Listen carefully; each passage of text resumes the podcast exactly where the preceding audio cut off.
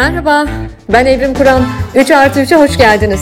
3 artı 3'te konuklarımla birbirimize üçer soru soruyoruz. Keyifli dinlemeler.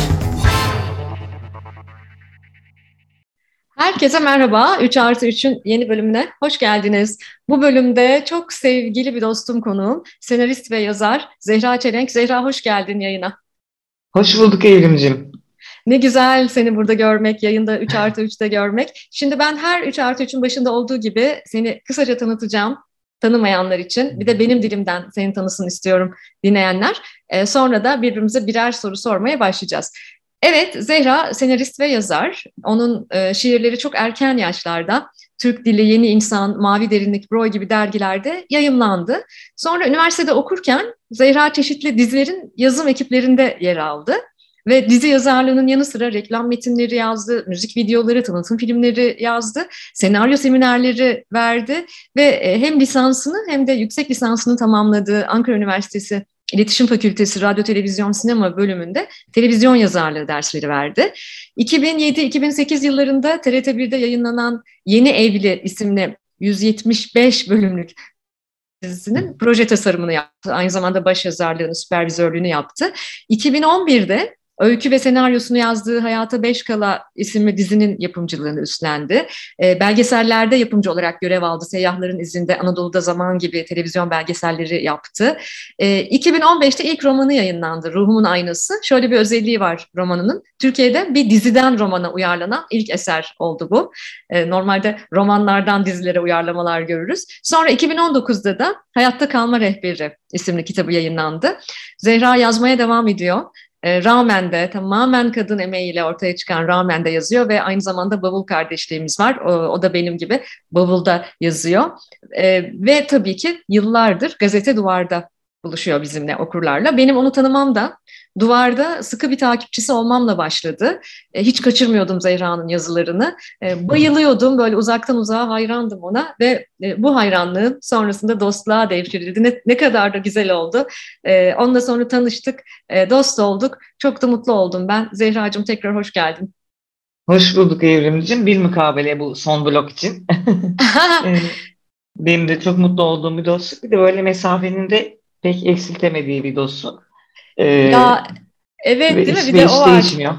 Aramıza mesafeler de girdi yıllar içerisinde ama e, kalpten kalbe olan köprümüz hiç e, kısalmadı. Şimdi ben birinci sorumu sorarak 3 artı 3'e başlıyorum. Hazır mısın? Hazırım. Heyecanlıyım. He, heyecanlıyız çünkü birbirimize biliyorsunuz sevgili dinleyenler soruları önceden söylemiyoruz, paylaşmıyoruz. Aklımıza ne gelirse masada Zehra ile sohbet ederken nasılsak yayına o yansıyor. Birinci sorum şuradan geliyor. Ee, Zehra sen bir süre önce, birkaç ay önce e, gazeteci ve tiyatro eleştirmeni Bahar Çuhadar'a, iletişimci ve yazar dostumuz Ayşen Şahin'e, e, yine kız kardeşlerimden şarap üreticisi Selda Tokat'a, editör ve eleştirmen Neslihan Can Göz'e e, sorular sordun. Onlarla bir söyleşi yaptın. Bu söyleşi daha ziyade kız anneliği üzerineydi ama ben burada bu bölümde birinci soruda onlara sorduğum sorulardan birini sana sorarak başlamak istiyorum. Çünkü acaba Zehra buna ne derdi diye birkaç kere okudum o röportajı. Acaba Zehra ne derdi diye çok merak ettim. Soru şu. Son dönemde toplumsal ön kabullerle beslenen siyasi çıkışlarla kadın bedeni, zihni, uğraş alanlarına dair artırılmaya çalışılan bir tahakküm var. Bu tahakküm konusunda fikirlerini sordun konuklarına ve şunu ekledin. Sence farklı alanlardan kadınların türlü nedenlerle hedef gösterilip durmasının sebebi ne? Sence ne Zehra? Ee, ya bence o röportajda da aslında çeşitli açılardan açıklanmış. Çok güzel bir röportajdı bu arada. Ee, şöyle bir şey var. Bir, bu kadın hareketinin, e, kadın ve LGBT artı hareketlerinin gerçekten bir bu var olan sisteme ciddi bir tehdit oluşturacak biçimde aslında son yıllarda yani son yıllarda giderek daha da yükselmiş oluşu ve çok etkin bir muhalefet haline alışı. Ee, bunun doğurduğu bir tehdit var ve bu tehditti e, bu tehditte bir hani tek bir hedef konarak e, halledilebilir, bertaraf edilebilir bir şey değil. Bir de her kesimden kadının yani ciddi bir böyle bir bilinçlilik içinde olmasılarda e, kendini feminist olarak ya da kadın hareketine yakın olarak, yatkın olarak tanımlamayan kadınların bile aslında bir uyanışı var. E, yani hayat koşullarında artık bir şeylerin bambaşka biçimde gelişmesini istiyor kadınlar. E, ve bunu çeşitli düzeylerde itiraz ediyorlar. E, bunun dışında kadın cinayetleri var durmadan artan e, ve giderek felaketler silsilesi çeşitlenen. Mesela hani yüksekten düşerek ölen kadınlar diye bir gerçek var ülkemizde. E, korkunç bir şey ve bunun karşısında sessiz kalan e, bir yargı var. Biraz e, katillerin, faillerin kor, e, korunduğu, işte İstanbul Sözleşmesi'nin uygulanmadığı. E, bütün bunlar bir tepki doğuruyor. E, ve bunu yaşayan taraf olan kadınlarla daha büyük tepki doğuruyor. E, ve bir uyanışa yol açıyor. Bunun dışında da toplumsal yaşam içinde çok daha etkin rol almanın payı var. E, yani açıkçası bir noktada uyanıyorsun. Yani daha samimi söylemek gerekirse kadınlar aslında her şeyi yapıyoruz? Hani annelik var bir yandan o kutsal annelik adı altında çok tatlı biçimde kilitleniyor değil. E, ama onunla birlikte bütün öbür rolleri de yerine getirmeleri ve bu rollerin de dışına çıkmamaları bekleniyor. Hani muktedirin beklediği bu böyle bir şey, böyle bir yere kitlemek. Yani toplumsal hayatta söz sahibi olmaktansa e, hem böyle olması bekleniyor. E, bun, bunlar için de işte çeşitli açılardan da her zaman hem güzel hem şey e, hem işte e, e, muhakkak evli olmak, evliyse bunu sürdürmek, e, e, evlilik yetmez çocuk sahibi olmak, bütün bunları çok başarılı içinde yapmak gibi böyle bir, bir e, süper kahramanlık bekleniyor kadınlardan ve bunlar da çeşitli imgelerle bunun mümkün olduğu e, bir rekabet oluşturularak sürekli pompalanıyor. E, başı dönersek işte e, buna karşı yükselen ses de bir tehdit oluşturuyor. Çünkü ben hani yıllarca yazılarımda da yazıyorum. E, çok ifade ettiğim bir şey. Herhalde senin de katıldığın bir şey. Ben buralardan hani bir toplumsal değişimin e, ciddi bir hareketin buralardan çıkacağını düşünüyorum daima. E, tek başına bu olmayabilir ama ancak böyle olabileceğini düşünüyorum.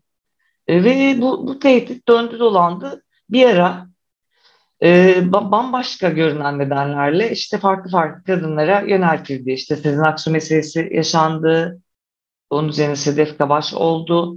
Başka türlü e, şey işte mesela bu Gülşen'in klibi hedef gösterildi e, falan gibi. Bunların hepsi çok kısa bir zaman diliminde oldu ve devam da ediyor biliyorsun.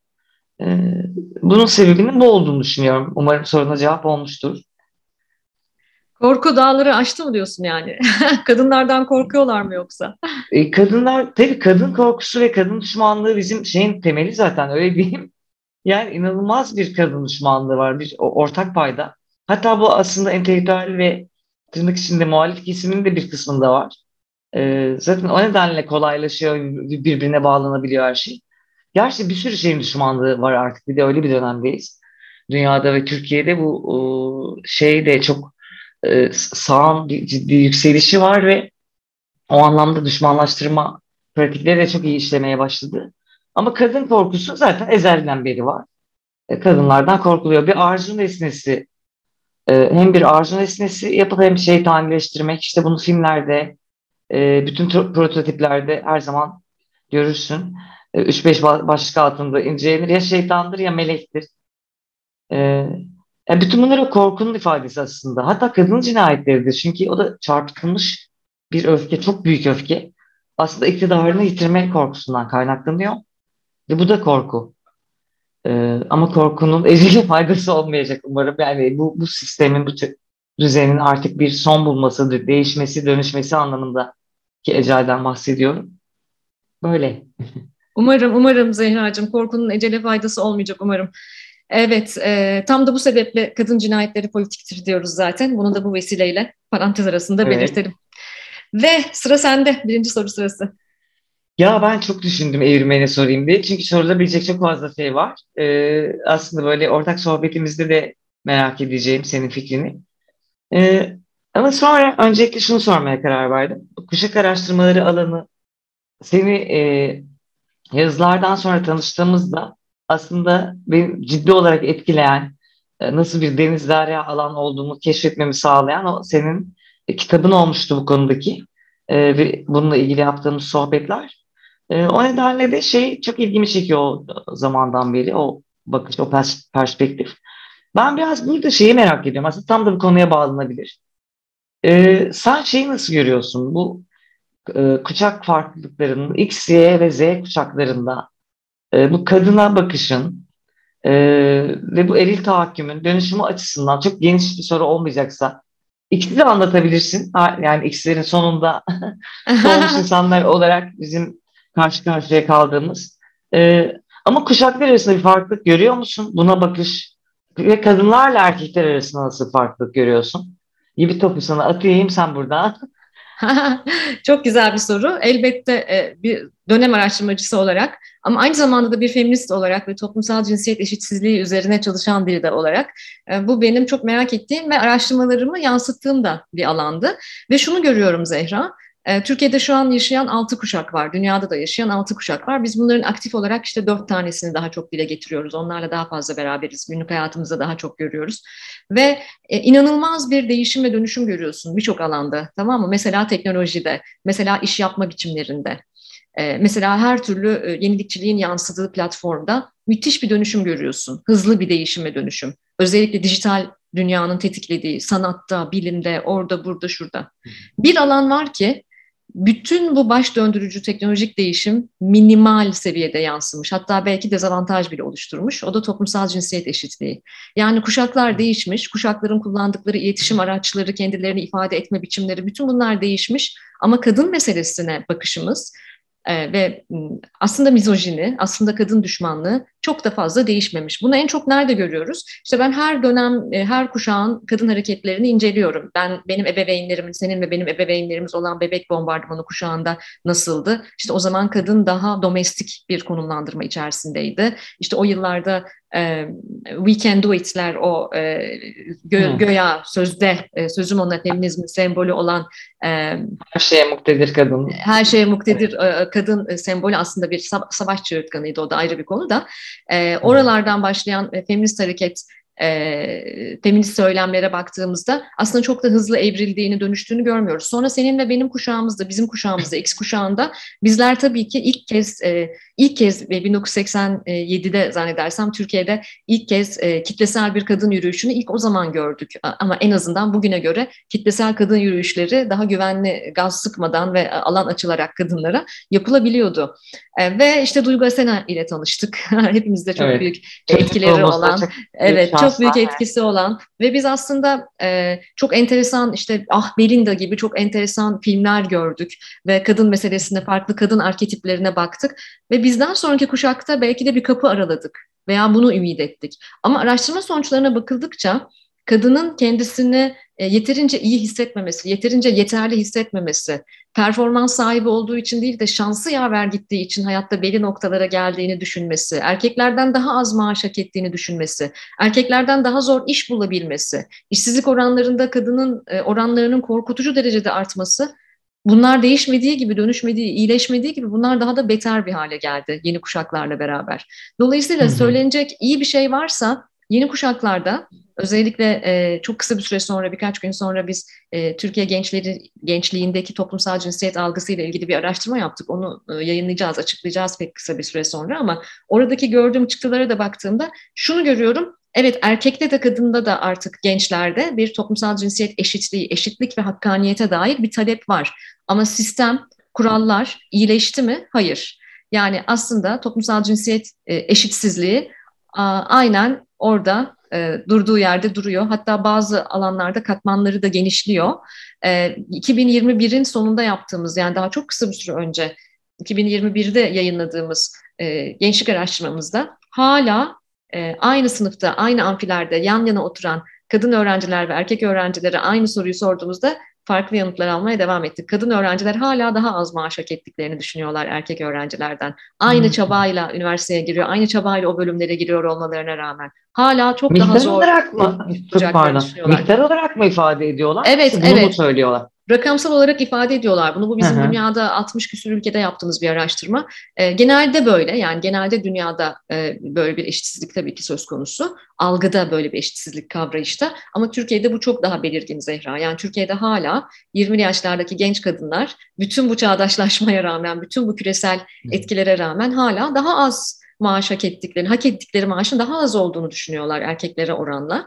E, burada da kendini e, yeterince değerli hissetmeme duygusu ve e, o e, toplumsal kimlik rollerinin baskısını ben hala görüyorum. Aynı şekilde e, daha ziyade e, kadınlara yakıştırılan işlerde çalışmak isteme eğilimi çok yüksek. Bugün hala Türkiye genelinde üniversite öğrencilerinin biz 100 bine yakın üniversite öğrencisiyle çalışıyoruz ve kadın öğrenciler hala hangi bölümlerde okurlarsa okusunlar onlara öyle işaret edildiği için öğretmen olmayı tercih ediyorlar mesela yaz tatilleri uzun diye. Kavrayış öyle çünkü. Veya işte daha daha e, e, daha verimli bir anne, verimli bir eş, daha fonksiyonel bir e, kadın olurlar evde diye. Dolayısıyla aslında kadına bakışımızda çok büyük bir evrilme yok ama son dönemde biz e, on binlerce gence sorduk. Sen Türkiye'de toplumsal cinsiyet eşitliği olduğunu düşünüyor musun diye. Gençler yüzde yetmişten fazla oranda to- toplumsal cinsiyet eşitliği olmadığını düşünüyor ve kadını erkeği fark etmeksizin erkekler de bir eşitsizlikten şikayet ediyor, rahatsızlar. E zaten o yüzden feminizm sadece kadınlar için değil aynı zamanda erkekler için de. Evet. Yani özetle kuşaktan kuşağa çok büyük bir değişiklik yok Zehra. Hatta bence bizim gençliğimizde, senin ve benim gençliğimde sanki ifade alanlarımız daha fazlaydı. Ya orada emin olalım e, ama tabii şey e, şimdi bize yorum hakkı doğuyor mu bunun üzerine? Tabii ben ki. Z, kuşağı, Z kuşağında e, ki gözlemini merak ediyorum. Çünkü özellikle okurlar arasında böyle 20'li yaşlarda e, e, özellikle kadınlar ama onu da söyleyeyim. Yani ben bu farkı daha çok kadınlarda gözlüyorum. E, Z, Z kuşağına ilişkin çok e, pırıl pırıl bir bilinçlilik hali de görüyorum. Hani kendilerini ifade etmeye dönük. E, tabii bambaşka şeylerle boğuşuyorlar günümüzün üniversite öğrencileri. Aslında çok ciddi bir kadın yoksulluğu e, gibi bir so- sorun da var. Ba- bambaşka bir e, memleket karanlığı. Hiçbir zaman aydınlık olmasa da şimdi giderek sıkışan bir gelecek kaygısı var vesaire var. Bunun yanında işte bir kapitalizmin dayatmaları var, sunduğu çeşitli kariyer imkanları var, var da var. Ama buna rağmen e, ben Z kuşağını gözleyebildiğim kadarıyla e, oldukça şeyde buluyorum. Yani kadınların ama e, erkeklerine çok değil. Yani erkekler de, değişmemekte daha çok direniyormuş gibi geliyor bana. Buna ne diyorsun? Aslında ben e, kadınlarının da erkeklerinin de tabii ki önceki kuşaklara göre farkındalık seviyelerinin daha yukarıda olduğunu düşünüyorum. Yani erkekler de fena Hı-hı. değil. Toplumsal cinsiyet tabii. Evet. eşitsizliğiyle ilgili e, bir e, problem olduğunu farkındalar. Ama dediğim gibi senin de az evvel söylediğin gibi o kadar ciddi problemi var ki şu an Türkiye gençliğinin, Türkiye'nin gençlerinin ve genç kadınlarının ve deneyimli kadınlarının da yani müthiş bir genç işsizliği ve yoksulluğu aynı zamanda kadın yoksulluğu da söz konusu.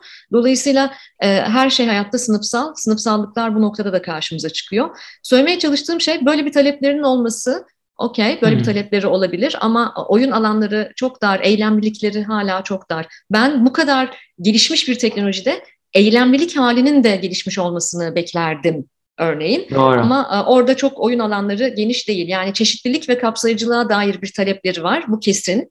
Bütün dünyada var zaten Z kuşağının. Çeşitlilik, toplumsal cinsiyet, eşitliği ve çeşitliliğe dair Hı-hı. çok büyük bir talepleri var. Ama Türkiye'de ne yazık ki e, oyun alanları, e, bu talebi dile getirme alanları ne yazık ki çok e, geniş değil. E zaten Türkiye Büyük Millet Meclisi'nde parlamenter sayısına baktığında da bunu görürsün. İşte e, akademisyen sayısına baktığında da bunu görürsün. Türkiye'de üst yönetici olmuş e, kadın liderlere, onların oranlarına, evet. sayılarına baktığında da görürsün. Dolayısıyla bir tahayyülleri olamıyor, rol modelleri de olamıyor. Ben isterdim ki artık bu kadar metaverse'leri, e, avatarlarla yapılan toplantıları falan konuştuğumuz, çalıştığımız günlerde e, bu meseleyi de bu kadar yaşamsal bir hakkı da daha e, hür iradeyle dile getirebilecekleri ortamları olsun ama pek böyle bir ortamları olduğunu söyleyemeyiz şu anda. Çok teşekkür ederim. evet. Kapsamlı ve güzel bir cevap oldu. Belki çok iyimser değil ama e, gençlerle çok çalışıyorum ben de e, e, hem üniversitedeki derslerimde hem araştırmalarda e, ve onlara en çok söylediğim şey ne biliyor musun? Yüksek sesle konuşun. Lütfen sesinizi çıkarın, yüksek sesle konuşun. Çünkü ben hala yeterince yüksek sesle e, konuşulabildiğini düşünmüyorum e, Türkiye'de kadın meselesinin genç kadınlar Hı-hı. tarafından daha yüksek sesle dile getirilebileceğini düşünüyorum. O yüzden Me Too hareketleri bak bize o kadar da yansımıyor. Min- evet, minimal, çok, minimal. E, o girdi, girersek çıkamayacağımız çok fazla dağılma ve bölünme ve parçalanma var. Evet. Onun da biraz herhalde etkileri var falan. Evet, evet, evet. ikinci soruma İkinci soruma evet. hazırım ben.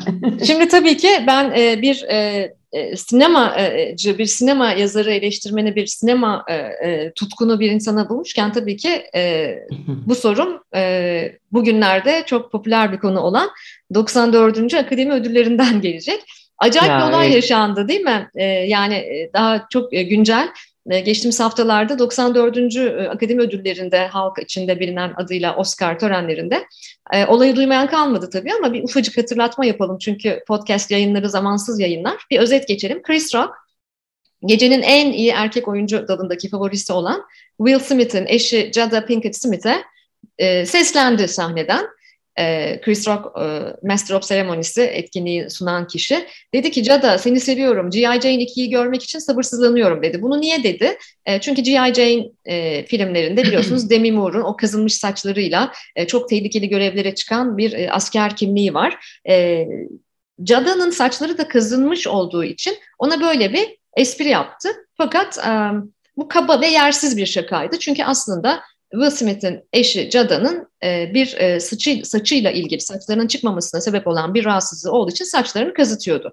Sonra olay ne olduysa ondan sonra oldu. Önce Will Smith gülümsedi. Böyle bir, bir iki saniye kadar isteksizce gülümsedi. Sonra bir yüzü düştü Cada'nın göz göze geldiler falan derken Will Smith sahneye fırladı ve e, Chris Rock'un ağzına bir tane patlattı. Bol miktarda küfür etti ve yanına döndü. E, fakat 5 dakika sonra ödül aldı Will Smith ve ödülünü almak için yeniden sahneye döndüğünde şöyle yersiz bir konuşma yaptı. Çok tanıdıktı aslında o sözler. Aşk insana çılgınca şeyler yaptırabilir dedi. Sorun buradan geliyor. Bu kurtarıcı erkek tripleri ne olacak? Sen bununla ilgili bir yazı da yazmıştın. Bu kurtarıcı ya. erkek tripleri ne olacak? Evet, Aşk bu mu? O, Aşk bu mu gerçekten? O, ya bu falan değil tabii ki yani.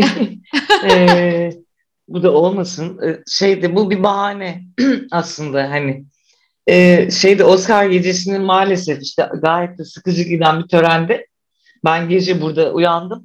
İzleyeyim mi izlemeyeyim mi ertesi güne bırakayım derken ve yazıyı da yazdım ertesi gün yazdım. Ve tam da buydu. Çok seviyordum Hakim Bey başlığını öne çıkararak. Çünkü orada zaten bütün alarm yani olay öyle bir olay ki evrim. Sen de aynı duyguları yaşamışsındır. Şimdi şaka sevimsiz. Bu kadın bedeni üzerinden yapılması, ayrı sevimsiz, bunun bir hastalığa dayanması. Onu da hemen üst üste öğreniyoruz bu arada, bilmiyoruz. Kırşak da bilmediğini iddia ediyor. Ee, ve orada ilk e, harekete geçen duygumuz sevdiğimiz birine bir çok haksızlığın yapılmış olması. İkisi bir kadınla çok yersizce alay edilmiş olması ve işte bu ofansif mizahın zaman zaman bu sınırları aşındırması. E, dolayısıyla orada bir tepki verilmesini istiyoruz aslında ama beni açıkçası o tokat atıldığı ve onun üzerine küfür yani hem sözlü şiddet hem fiziki şiddet ikisi bir arada e, ve birdenbire de şey de gözümde canlandı yani aslında orada şunları gözden kaçırıyoruz. E, yani sevdiğini korumak, korumamak vesaire motivasyonları bir kenara bırakırsa aslında gene bir güç eşitsizliği var. İki siyah arasında yapılıyor ama biri daha prestijli bir oyuncu e, diğerinden. Yani hem oynadığı roller bakımından hem ön bakımından. E, iki, iki, e, biri daha uzun boylu mesela. E, ikisi de siyah. Yani bir sürü değişken giriyor devreye. Yani göründüğü kadar masum orada kim olsa karşısında bunu yapardılık bir durum değil aslında. Gene bir güç. Ve o şunu doğruluyor. Şiddet her zaman bir güç eşitsizliğinden doğuyor. Yapabileceği için yapıyor. E, bir öfke kontrol problemi olduğunu gösteriyor ciddi olarak. E, ve böyle bir törende patlayan bu tür bir tepkinin e, başka bir yerde patlamayacağını kimse beni inandıramaz. Hani bunun ille orada kafalar biraz şeyden karıştı. O çok tartışıldı. Namus değil. Hani eşiyle ilgili bilmem ne değil. Şu değil bu değil. Evet ama gene kökeni aynı ev şiddet bence. Ee, yani döne dolaşa var. Ondan başka bir şey göremiyorum burada. Ya ille o olması gerekmiyor. Ee, ve yarın öbür gün bunun bir kadına, çocuğa yönelmeyeceğinin hiçbir garantisi yok. Yani şiddetin en büyük problemi bu hani. E, sözlü şakaya sözlü olarak cevap verilebilirdi. Ben bundan tamamen yanayım. Bu arada adamın şakasından da hiç hoşlanmadım. Gayet sert bir cevap verilebilirdi. E, susturulup oturtulabilirdi ama çıkıp birine orada öyle e, şey girişmek. Bir yandan da e, şunu da gösterdi. Aslında çok geniş bir skalada şiddetin etkilerini gördük biz bu olayda. E, ne oldu? Bütün tören bundan ibaret oldu. Hani orada ödül alacak olanlar, onunla onurlandırılacak olanlar aslında müthiş bir ego gene burada görüyoruz. Yani son, benden sonra Tufan e, tabii onu hesaplamayan bunu mu hesaplar diyeceksin ama zaten işte bu hesaplanamayanlar bu e, toksik erkeklik dediğimiz şeyi oluşturuyor. Bütün bir gece öyle anılacak e, ve ondan sonra ödülü alan hiç kimsenin de öyle bir şeyi kalmayacak. Hani e, toplum yaşamı dediğimiz zaten biraz da bunlara dikkat etmek e, ve kendimiz dışındakiler için de varlığını kabul etmek ve koruyabilmek son anlamda çok ciddi sorun var. E, ben orada şeyi de e, çok yakınlarda bir açıklama yaptı. E, onu da biraz şeyden izledim. YouTube'da da aha bak kadın da işte arkasında durmadı neler e, demiş diye bir giydirme programı üzerinde izlediğim için aslında araştırma fırsatım olmadı. E, çünkü Cada'nın şey dediği söyleniyordu o programda. Zaten ben ay pardon kulaklığım düştü ama hemen dönüyorum. Zaten ben aslında evlenmek de istememiştim. Çok kızdım falan gibi e, şeyler söyledi. İşte hem o kışkırttı hem de o e, duyuluyor mu şu anda sesi? Duyuluyorsa evet, biraz evet. böyle devam edeyim. E, sonra halledelim. Hem kendisi kışkırttı. Oradaki bir göz devirme hatırlarsan Evrim. Kadın göz devirdi. Kureşo etkisi. Kadın göz devirdi. Adam gülerken durdu ve birden sahneye fırladı. Şimdi buradaki yorumlarımız falan da ilginç. Aslında bu toplumsal cinsiyet kodlarını çok iyi gösteriyor. Diyoruz ki kesin kadın doldurmuştur. Bu evde kadın şey demesin diye yaptı bunu gibi yorumlar çok fazlaydı hatırlarsan. Evet, Sen evet. nasıl beni savunmadın? Ya bunları bilemeyiz. Yani olabilir, olmayabilir. Bambaşka bir şey de olabilir. O gözlerini devirip orada bırakmak istemiş olabilir mevzuyu. Ee, kimse kimsenin bedeninin vekaletine sahip değil. Kimse kimsenin tepkisinin vekaletine sahip değil. Ee, bir işin bu boyutu vardır. Ben tümüyle karşı olan taraftaydım. Herhalde sen de öyleydin. Öyleydim. Ee, yani Ama beni çok şaşırtan yorumlar gördüm. Sözünü kesiyorum. Beni çok Evet, evet. şaşırtan insanlardan şaşırtan yorumlar da gördüm ve duydum. Oh eline sağlık ne güzel de yaptı falan gibi. Ee, böyle yorumlar da vardı değil mi? Ne kadar tartışıldı bunlar? Evet evet orada tam şey zaten deminden beri anlattıklarım da biraz o bağlamdaydı. Şimdi ilk tepkide insan biraz hani evet orada bir zalimlik var ve buna cevap verirsin iste- istiyor ama bu 5 dakikadan uzun sürmemeli demek istiyorum. Çünkü e, şey ve öyle tepkiyle ben de çok karşılaştım. Hani feministler arasından hani öbür kesimlerden olması belki biraz daha normal de ama özellikle feministler arasında da çok gördüm bu tepkiyi. Ee, ve orada gerekçelendirme de biraz bunun şey olmadığı üzerinden yapıldı. Hani bir kadın olarak benim kadınım üzerinden değil, sev, sevdiğim birini sahiplenmek üzerine. Ama işte benim orada dönüp dolaşıp üzerine düşününce savunmuş oldu. Bütün bu, bunların hepsinin kökeninin gene aynı eril şiddet olduğunu. Ee, bu demin anlattığım gibi yani bir karşısındakinin kim olduğu, gene bir güç var. Yine bir öfke kontrolü var ve burada şeyi gözetmeyen bir öfke kontrolü var. Kontrolü problemi var. E, Bir kere e, yanındaki kadının ne isteyeceğini o geleceğe dair.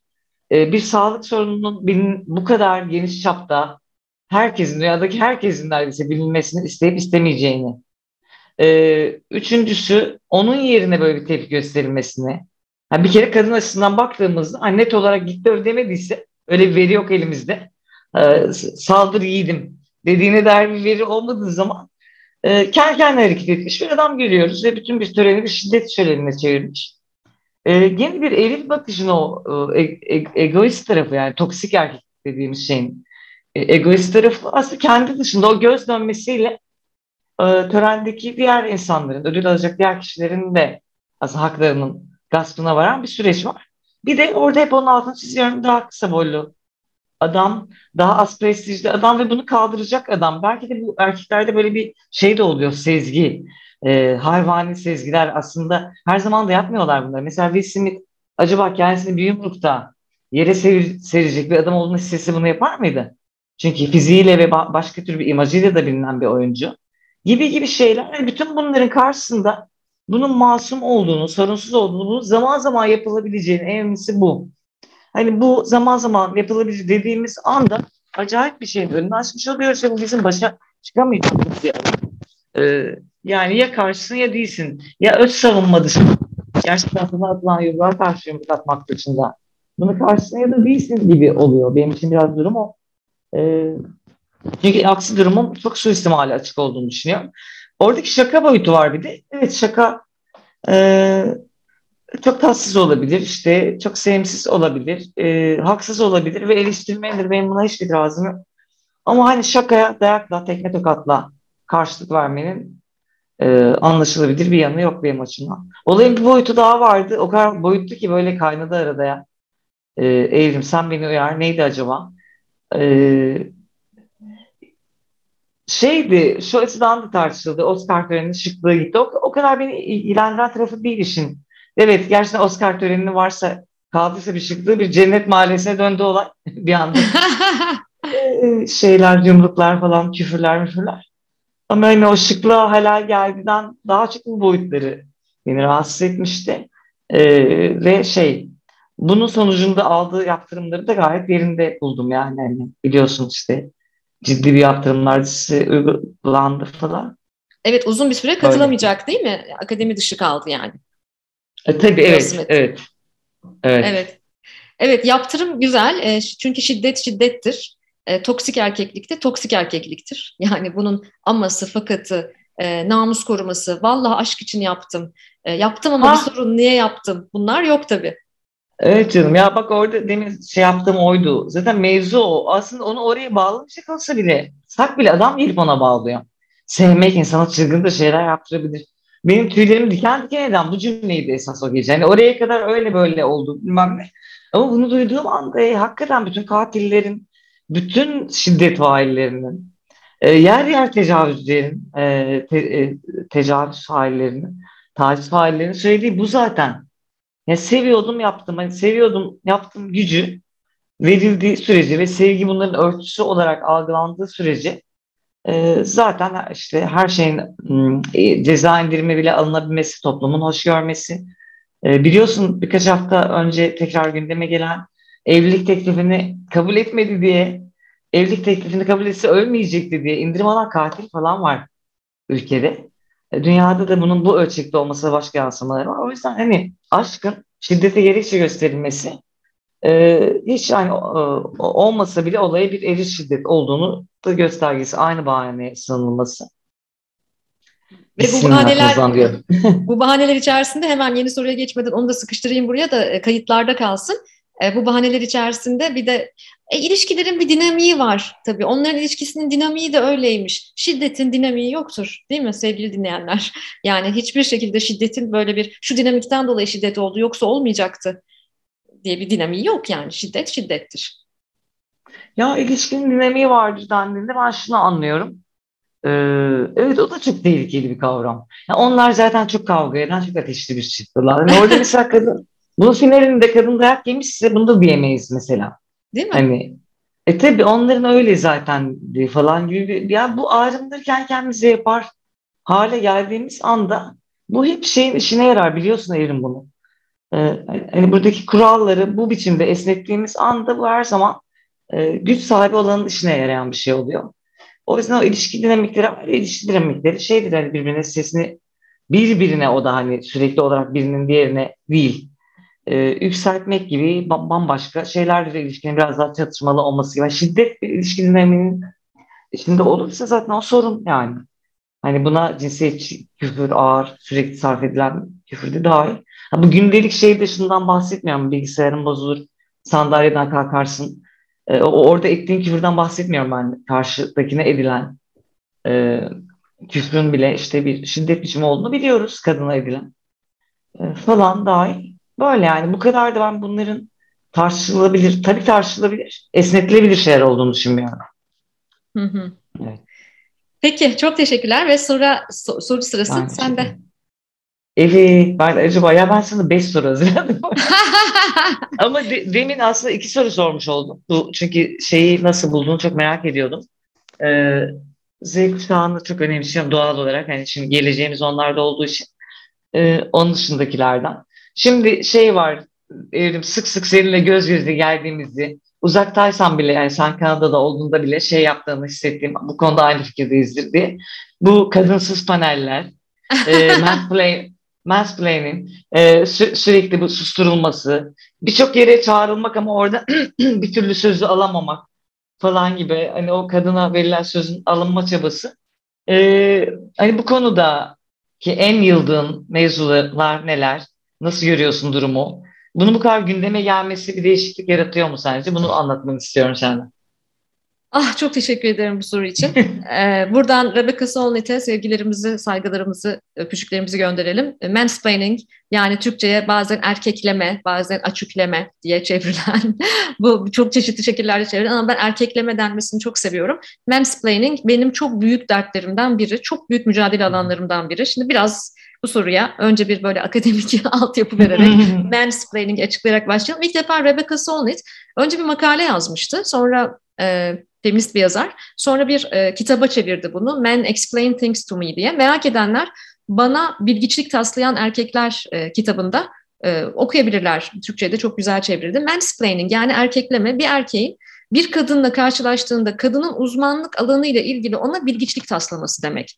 Ve ben gerçekten 22 yıllık bir araştırmacı olarak artık 46 yaşıma geldim. Bunca yıllık girişimciyim, e, öğretim üyesiyim, hocayım, e, yazarım, çizerim. Yani bir, bir alanda uzmanlığım var değil mi? Yani bir alanda uzmanlığım var ama o kadar çok bununla karşılaşıyorum ki en son davet edildiğim bir televizyon e, kanalında, ismini buradan söylemeyeceğim.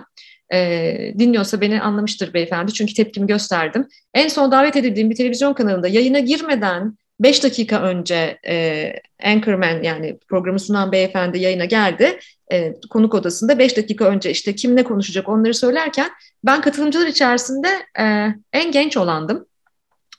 E, ve e, bana sıra geldiğinde böyle beni geçiştirerek ve benim işimi bana öğreterek bir mansplaining yaptı. E, ve neden bahsetmek istersiniz? Yani hangi konulardan siz konuşmak istersiniz yayınlarda dedi. Ben de dedim ki mesela mansplaining'den bahsedebilirim dedim. Aslında mansplaining konuşmak için çağrılmamıştım.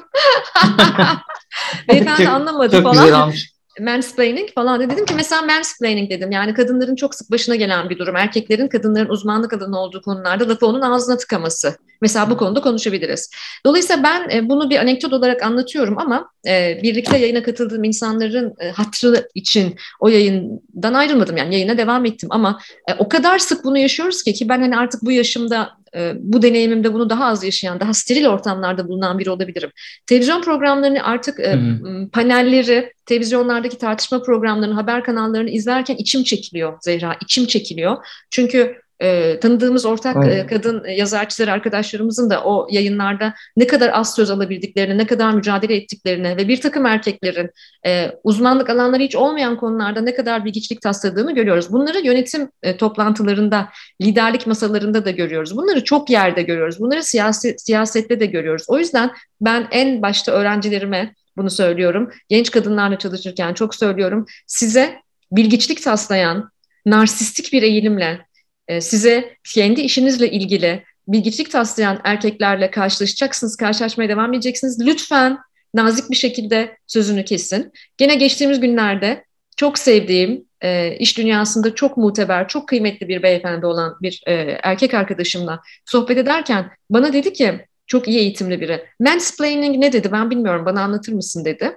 Çünkü ben o sırada o masada mansplaining olduğunu ifade ettim. Ben anlattım ve teşekkür etti ve ben bundan sonra buna çok dikkat edeceğim dedi. Bunlar da oluyor yani. O yüzden hı hı. lütfen bize erkekleme yapanlara, bize bilgiçik taslayan erkek arkadaşlarımıza karşı sesimizi yükseltelim. Erkek dostlar da lütfen kadınların uzmanlık alanlarında onlara alan açın ve saygı duyun. Bunun çok belirgin göründüğü yerlerden birini biliyor musun? Silikon Vadisi.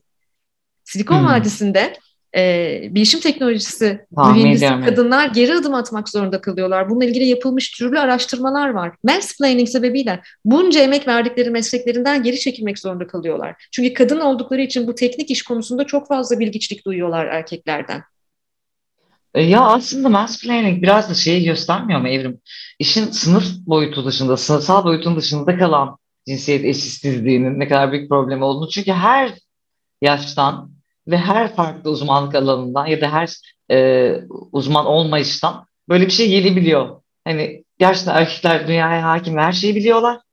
E, ve bunu kolaylıkla yapabiliyorlar. Şeyde şey geldi aklıma bu aralar bu senin en sevdiğim dizilerinden biri olduğu için gibi de çok güzel yerilen bir aşı şeyi var ya dolaşan ortalıkta.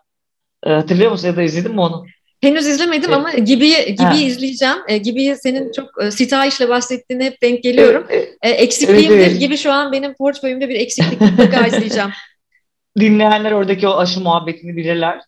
e, aslında bir mikrobiyolog olan kadınla aşı anlatıyor. İşte lise mezunu olduğunu anladığımız erkek gibi.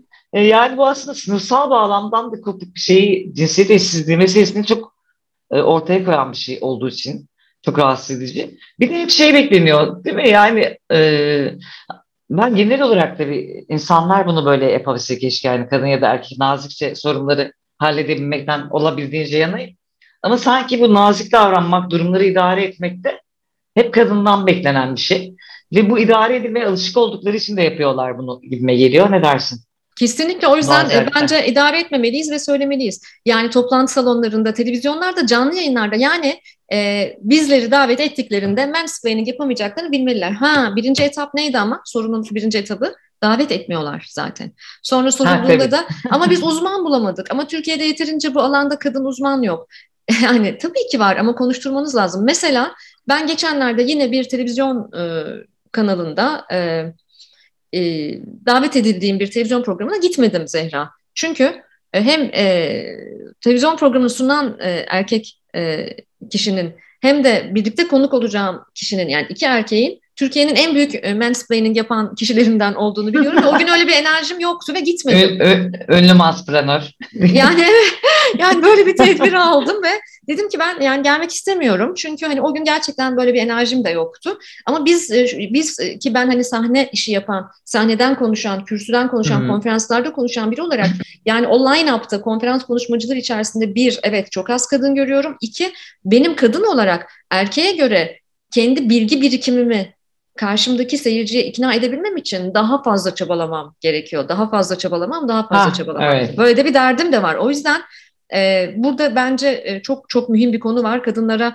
alan açılmalı ama biliyorsun sizin sektörünüzde de öyle. Sanatta, e, e, bilimde yani aklına gelebilecek bütün sektörlerde yeterince alan açılmıyor. Sadece bir takım uyduruk kotalar var. Bir de şey de var. Bu sorunun içerisine bunu da yedirmek istiyorum. Bu mansplaininglerden kaynaklı bir de imposter derdine düşüyoruz biz. Yani Aa, kendimizi tamam, şanslı tamam, hissediyoruz. Değil mi? Yani e, bu mansplainingler yani bize işimizi öğreten, uzmanlığımızı öğreten, bilgiçlik taslayan erkekler küçüklüğümüzden beri hayatımızda oldukça, büyüdükçe, geliştikçe, sayıları arttıkça belli bir noktada kadın başarı hikayelerine sahip olduğunda şunu düşünmeye başlıyor. Aslında ben yeterince iyi değilim ya. Aslında ben uzmanlık alanında da yeterince iyi değilim. Bir örnek vermek istiyorum. E, girişimciliğe neredeyse aynı gün, aynı dönemde başladığımız, CV'si açık ara benden daha iyi olan bir erkek. Girişimciliğimizin e, diyelim ki 10. yılında ya da işte 7-8-10. yılında şunu söylemişti bana. Sen başarılı oldun, ben olamadım senin kadar. Çünkü senin şansın yaver gitti. Aman tanrım. Bunun başına gelen tek insanın ben olmadığım adım gibi eminim. Yani eril değil, toksik erkeklik bize bunu söylüyor ve bazen inanıyoruz da. Ve biliyor musun Zehra ben de kendimi buna inanırken bulduğum çok zamanlar yaşadım. Evet ben aslında yetenekli biri değilim, şanslı bir insanım. Şansım yaver gitti. Böyle bir şey olabilir mi baktığında? Kan ter gözyaşı var başarıların arkasında. Evet yani ben bunu gerçekten korkunç buluyorum. Hani ailesel açıdan bir de şanslıyız bizler. Hani olabildiğince ailede e, daha eşitlikçi bir ortamda büyümüş ve desteklenmiş insanların çok faydasını gördüm ben. Senin de ailenin öyle olduğunu biliyorum. E, hani bu o e, öyle bir güvensizlikle sahaya çıkmıyorsun. E, şey, şeyde de her zaman bununla mücadele ettim. Hani o içsel güç olabildiğince yardım etti. E, ama gene de bunun böyle olmamasını da çok anlayabiliyorum yani ve e, hatta ağzından ağzıma ikisi birbiriyle çok bağlantılı mekanizmalar. Hani kadının e, bu tahakkümün bu söz düzeyinde, sözünü kısıtlama düzeyinde verilmediği ve kadının sürekli her şey için özür dilemek zorunda kaldığı, sesini yükselttiği, uzmanlık alanında konuştuğu bir alanda bu yetersizlik e, sendromuna, yetersiz demeyi tercih ediyorum ben bu arada buna. Aslında hı başka türlü e, e, çevriliyor ama kapılması da çok normal. Yani artık hani şey e, bu oyunlara gelmeyelim diyeceğim de işte pratikte çok yaşanabiliyor. Hani pratikte hala işte çeşitli programlara katılıp beklemediğimiz böyle durumlarla karşılaşabiliyoruz. Ee, şeye inanıyor musun peki sen? E, bu üçüncü soru gibi olmasın, ara soru olsun. Tamam, ara ee, soru. Bu şeyler, erkekler, erkekler değil mi? Yani bütün erkekler değil. Bu konulara mesela belli alanlarda çok birikimli, donanımlı olup aslında hayatı dair her şeyi konuşabildiğin ama bu konularda takılan erkekler var ya bir de. Evet. Ee, hani mevzu buralara geldiğinde. Acaba gerçekten bilmiyorlar mı? Biraz bu konuda direniş var gibi geliyor bana. Hani belli yerlerde bu kadar böyle kör bir şeyin oturması, bir anda perde inmesi. Ee, aslında bilmemekten çok şeye direniş hani bu bilgiyi kabullenmeye direniş ve her şeyin eskisi gibi sürmesi isteği gibi görünmüyor mu sana? E, öyle görünüyor tabii. Çünkü bu alanlar, bu başlıklarda çok rahat konuşabileceğini ve paylaşımlarda bulunabileceğini en azından e, sosyal statüsü ve e, sosyoekonomik yapısı ve eğitim altyapısı itibariyle rahatlıkla e, seni anlayabileceğini, empatik olabileceğini düşündüğün bazı erkeklerde, herkesi de gömmeyelim şimdi burada. bazı, evet, bazı evet. erkeklerde e, vay canına Hı-hı. yani hiç mi yani hiç mi bu konuda bir farkındalığı olmamış dediğim çok fazla insanla ben vallahi tanıştım. Yani tanıştım, çalıştım, e, e, etkileşimim oldu. Orada ben şunu görüyorum. Araştırmalar da bunu söylüyor zaten. Kadında e, yüksek oranda imposter fenomeni mağduriyeti varsa yani yetersizlik fenomeni. E, araştırmalar erkeklerde de Dunning-Kruger fenomeninin ekseriyetle ağırlıklı olduğunu söylüyor. Yani e, kifayetsiz muhterislik. Yani aslında az sayıda bir e, bilgi ve deneyime sahip olduğu konularda bile çok yüksek sesle konuşma eğilimi. Bu tabii ki e, eril e, dille, eril toplumlarda e, yetişmenin getirdiği bir şey. Yani şahane okullarda okuman pek bir şey değiştirmiyor. Dolayısıyla o noktada ben e, evet e, erkeklerin o konfor alanından çıkmaya çok da gönüllü olmayabileceklerini düşünüyorum. Ama bir yandan şunu da gördüm, yaşadım, deneyimledim beklemediğin sosyokültürel e, sınıflardan, beklemediğin ortalama vasat eğitimlerden, e, hatta pek fazla eğitim almamış e, kitlelerden de, gruplardan da tanıştığım öyle erkekler oldu ki bu konuda inanılmaz e, geniş e, ve kavrayışı çok kuvvetli bakış açılarına sahip olanlarda. Bunları da gördüm yani. Hatta bazen evet. acaba eğitim insanı zehirliyor mu diye düşünmeden de edemedim. ya ya e, çok haklısın Evrim. Benim de öyle bir gözlemim var. Yani hiç ummadığım yerden gerçekten bunu gömmemek için söylemiyoruz bu arada. Zaten mevzu, mevzunun sadece kadınlar, kadınlar melek erkekler şeytan gibi bir şey olmadığını, aslında bir erkek algısı olduğunu, bunun çoğu kadının da içine yerleştirilmiş olduğunu ve bu kodlarla hareket ettiğini hep söylüyoruz. Ve tabii ki hayatımızda bunlardan olabildiğince, olabildiğince e, şey yapmış kendini e, azat etmiş. Çok eşitlikçi ilişkiler kurabilen erkekler var. Ama çok ya öbür durum çok yaygın ve hepimiz de bununla karşılaşıyoruz. Dediğin gibi evet ben de yani bu hani bu beni aslında her konuda düşündürüyor da hani bu eğitimin belli şeylere çare olamaması olduğu e, ilişkileri daha eşit kurabilmekten tutun da kökeninde herhalde bir güç güç sarhoşluğu yatıyor. Ve belki eğitim ve statü arttıkça da e, onun verdiği güç arttığı için e, burada bir de öyle bir tersine bir gelişme oluyor olabilir yani. E, evet güç ve e, güç ve imtiyaz. Güç hemen yanı sıra imtiyaz talepleri Hı-hı. de getiriyor. Zaten e, toksik erkekliğin en büyük derdi de bu. O yüzden de e, kendi alanında yaptığı iş her ne olursa olsun, kendi alanında başarılı olmuş, ayakta kalmış, e, tırnak içinde hiç sevmesem de o ifadeyi, tırnak içinde güçlü kadının e, her erkek tarafından çok kolaylıkla bir partner olarak e, eşitlikçi bir ilişkinin içerisinde yer, yer alamamasının da temel sebebinin bu olduğunu düşünüyorum. O yüzden de e, imposter fenomenine ben başarılı bir kadın olduğum için özür dilerim sendromu demeyi de tercih evet, ediyorum bazen. çok güzel bir şey, evet. Bunu daha dün bir e, çok sevdiğim bir e, kadın yapımcıyla konuştuk. E, bu, bu da bütün kadınların problemi. Yani bütün avantajların dezavantajı dönmesi başarılı olduğun duygusal ilişkilerde problem. E, çünkü şey aslında hayranlık duyulan bir şey. Yani başarı, güç, zeka. Yani er, erkeklerde de var. Sırf kadınların hayranlık duyduğu şeyler değil bunlar. E, ama bir ilişkilenme içine girdiğinde de o hayranlığın hemen bir itişmeye dönüşebilmesi e, maalesef büyük problem. Evet. Lafı nasıl, lafı nasıl açacağı konulardayız. Şey, bayağı böyle soruya soru, soru evet. sorudan sorucuk gibi şeye döndü. Ama evet, evet. Ben o zaman üçüncü soruma geçiyorum. Üçüncü sorum 2019 yılında yazdığın bir yazıdan geliyor. Üç yıl oldu bu yazıyı yazalı sen Zehra'cığım. Evlilik de feminizme dahil mi diye. Orada şunu tartışıyorsun. Ee, acaba hani e, feministlik, feminizm sadece bekarlar için mi? Yani evliler de e, feminist olamaz mı? Evlilik feminizme halal getirir mi? Çünkü e, feministlerle ilgili de böyle stereotipik yaklaşımlar var ya yani sanki hayatında bir partneri olmayan, işte bekar olan, hatta böyle çirkin evet. kadınlar feministtir neredeyse falan gibi. Sen e, evli bir kadınsın, evlilik feminizme helal getirir mi? Sana sormak isterim. Ee, yani şöyle hani e, evlilik getirirse her türlü ilişkilenme biçimi getirebilir. Tabii o kadar basit değil. Yani evlilikle gelen bir aileler vesaire, akraba ve toplum içinde olma döngüsü var. Ee, hani bunun ne biçimde kurulduğuna bağlı. Evlilik sorunsuzdur diyemeyiz kadın için biliyorsun. Ee, ama yani tek başına bu ataerki yeniden üreten ilişki formu sadece evlilik de değildir. Aslında bir kadınla bir erkeğin bir odada baş başa kaldığı her yerde bu üretilebilir. Ee, farklı ilişkilenme biçimlerinde çok uzun süren ilişkilerde bambaşka dezavantajları olabilir kadın açısından. Ee, bunun sonra çocuk nafaka falan mevzularında da biliyoruz. Ee, ki evlilik de, evliliğin de buna çare olmadığını bilebiliyoruz.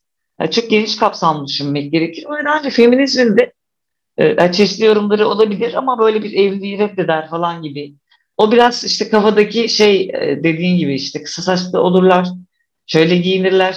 Yani bin yıl önce aslında tanıdığım hiçbir feminist kadın neredeyse öyle değil. Ha öyle de olabilir bu arada. O da kimseyi ilgilendirmez de. E, ama hani bu imajların bilerek değişmemesi gibi bir evlilik de böyle sürekli yeniden gündemde tutulan bir şey. E, ben burada fem, feminizmin e, temelde bu yapıların hepsini birden dönüştürmeye çalıştığını ve evliliğinde bunu dahil olduğunu, daha eşitlikçi bir evlilik, daha eşitlikçi ilişkiler kurmaya çalıştığını ve bunun da ancak onun içinde e, belki bu dönüşümün sağlanabileceğini ve bir tercih olduğunu. Benim orada iki baktığım nokta var. Birincisi bu. Hani evliliğin tek başına e, tabii koşullar değişebilir dediğim nedenlerle. E, ama evliliğin tek başına ataerkinin tek üretim merkezi olduğunu düşünmüyorum. Bunun her ilişki biçiminde yeniden üretilebileceğini düşünüyorum. E, ikincisi de hani ev, evlilikten koptuğumuz zaman işte e, bütün o riskler, yalnız kadın imajı vesaire yani iki ucu e, şeyli değnek. E, şimdi kadına evlilik dayatması var bir yandan. Bir, bir de bunun içinden feministleri yani madem haklarını e, bu kadar almak istiyorsun, madem bu kadar konuşuyorsun, söz sahibisin, o zaman aile kurumuna da dahil olma. Bunun içinden belli bir grup kadını çıkarıp onları daha bir yalnızlaştırma ve şey eğilimi ve arzusu var. Ee, var da var. Ama bir yandan da evlilik dayatması da bir o kadar kötü. Yani bir kadın ille evli, üstüne evli de etmez, evli ve çocuklu olduğunda başarılı olabileceği algısı da bir o kadar kötü. Yani benim bunun içindeki tabii ki tavrım her zaman kadının e, bu ikisine de kendine mecbur hissetmeden mutlu olabileceği ilişki biçimini seçmesi. Ama onun içinde de muhakkak bir eşitlikçilik, eşitlikçi bir ilişki yaratma çabası. Hani boyun eğerek, şey yaparak, razı olarak değil. Bu konudaki görüşüm böyle. Yazıda da böyle yazmışımdır herhalde aşağı yukarı. Evet, evet, evet, evet. evet. Yani e, günün sonunda evet eşitlikçi bir çaba. Farklıyız ama eşitiz. Talebimiz de bu. Feminizmde talebimiz evet. bu. Eşitlikçi. Her türlü ilişkide eşitlikçilik. O yüzden bence erkekler de feminist olmalı zaten. Olabildiğin, olabildiğince olsunlar. Mümkünse yani olabilirse. evet ve son soru sırası sende Zehra. Evet Yerimciğim ya yine iki soruda sıkıştım bak. Sana da sorulacak çok soru varmış. Ya oydu o zaman sana şeyi sorayım. Dönüp dolaşıp şuna geliyoruz aslında. E, aslında bu gücün, tahakkümün vesairenin bütün bunların dönüşümü e, ucu hep aslında bu biraz da erkeğin dönüşümüyle ilgili ya.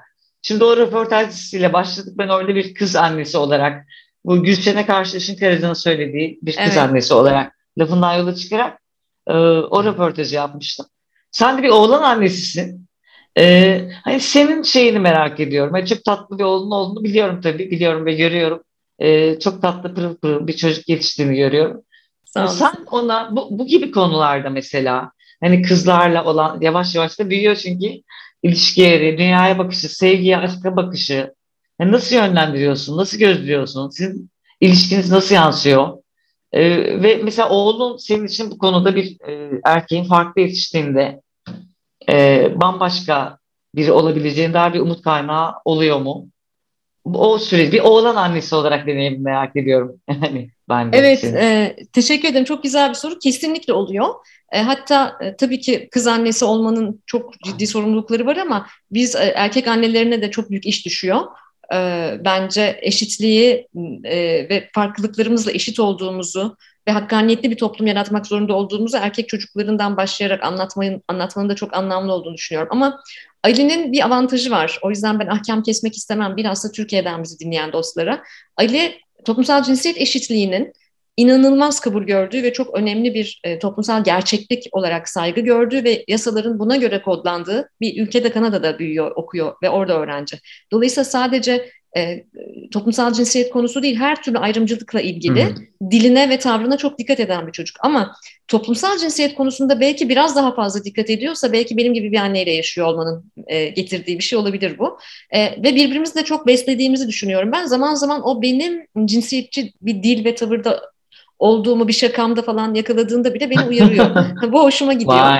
E, ve sadece kadın ve erkek e, kimlikleriyle tanımlamaması ve bu alanda da e, farkındalığının yüksek olmasını da e, seviyorum Ali'nin. ama e, şeyi çok önemsiyorum. Yani senin için yapabileceğim bir şey var mı demesi mesela e, okuldan yorgun argın geldiğinde ben de işte evdeyken ben ne yapabilirim senin için demesini çok önemsiyorum. Çünkü bunu bugün bana söyleyecek, yarın hayatını paylaştığı diğer insanlara söyleyecek.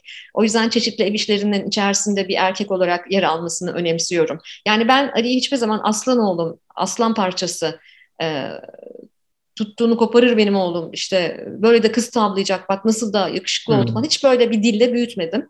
Ee, ve böyle davranılmasından da hoşlanmıyorum. Bazen daha geleneksel insanlarla karşılaştığında böyle şakalarla da ka- e, karşılaşabiliyor ve garipsiyor da açıkçası.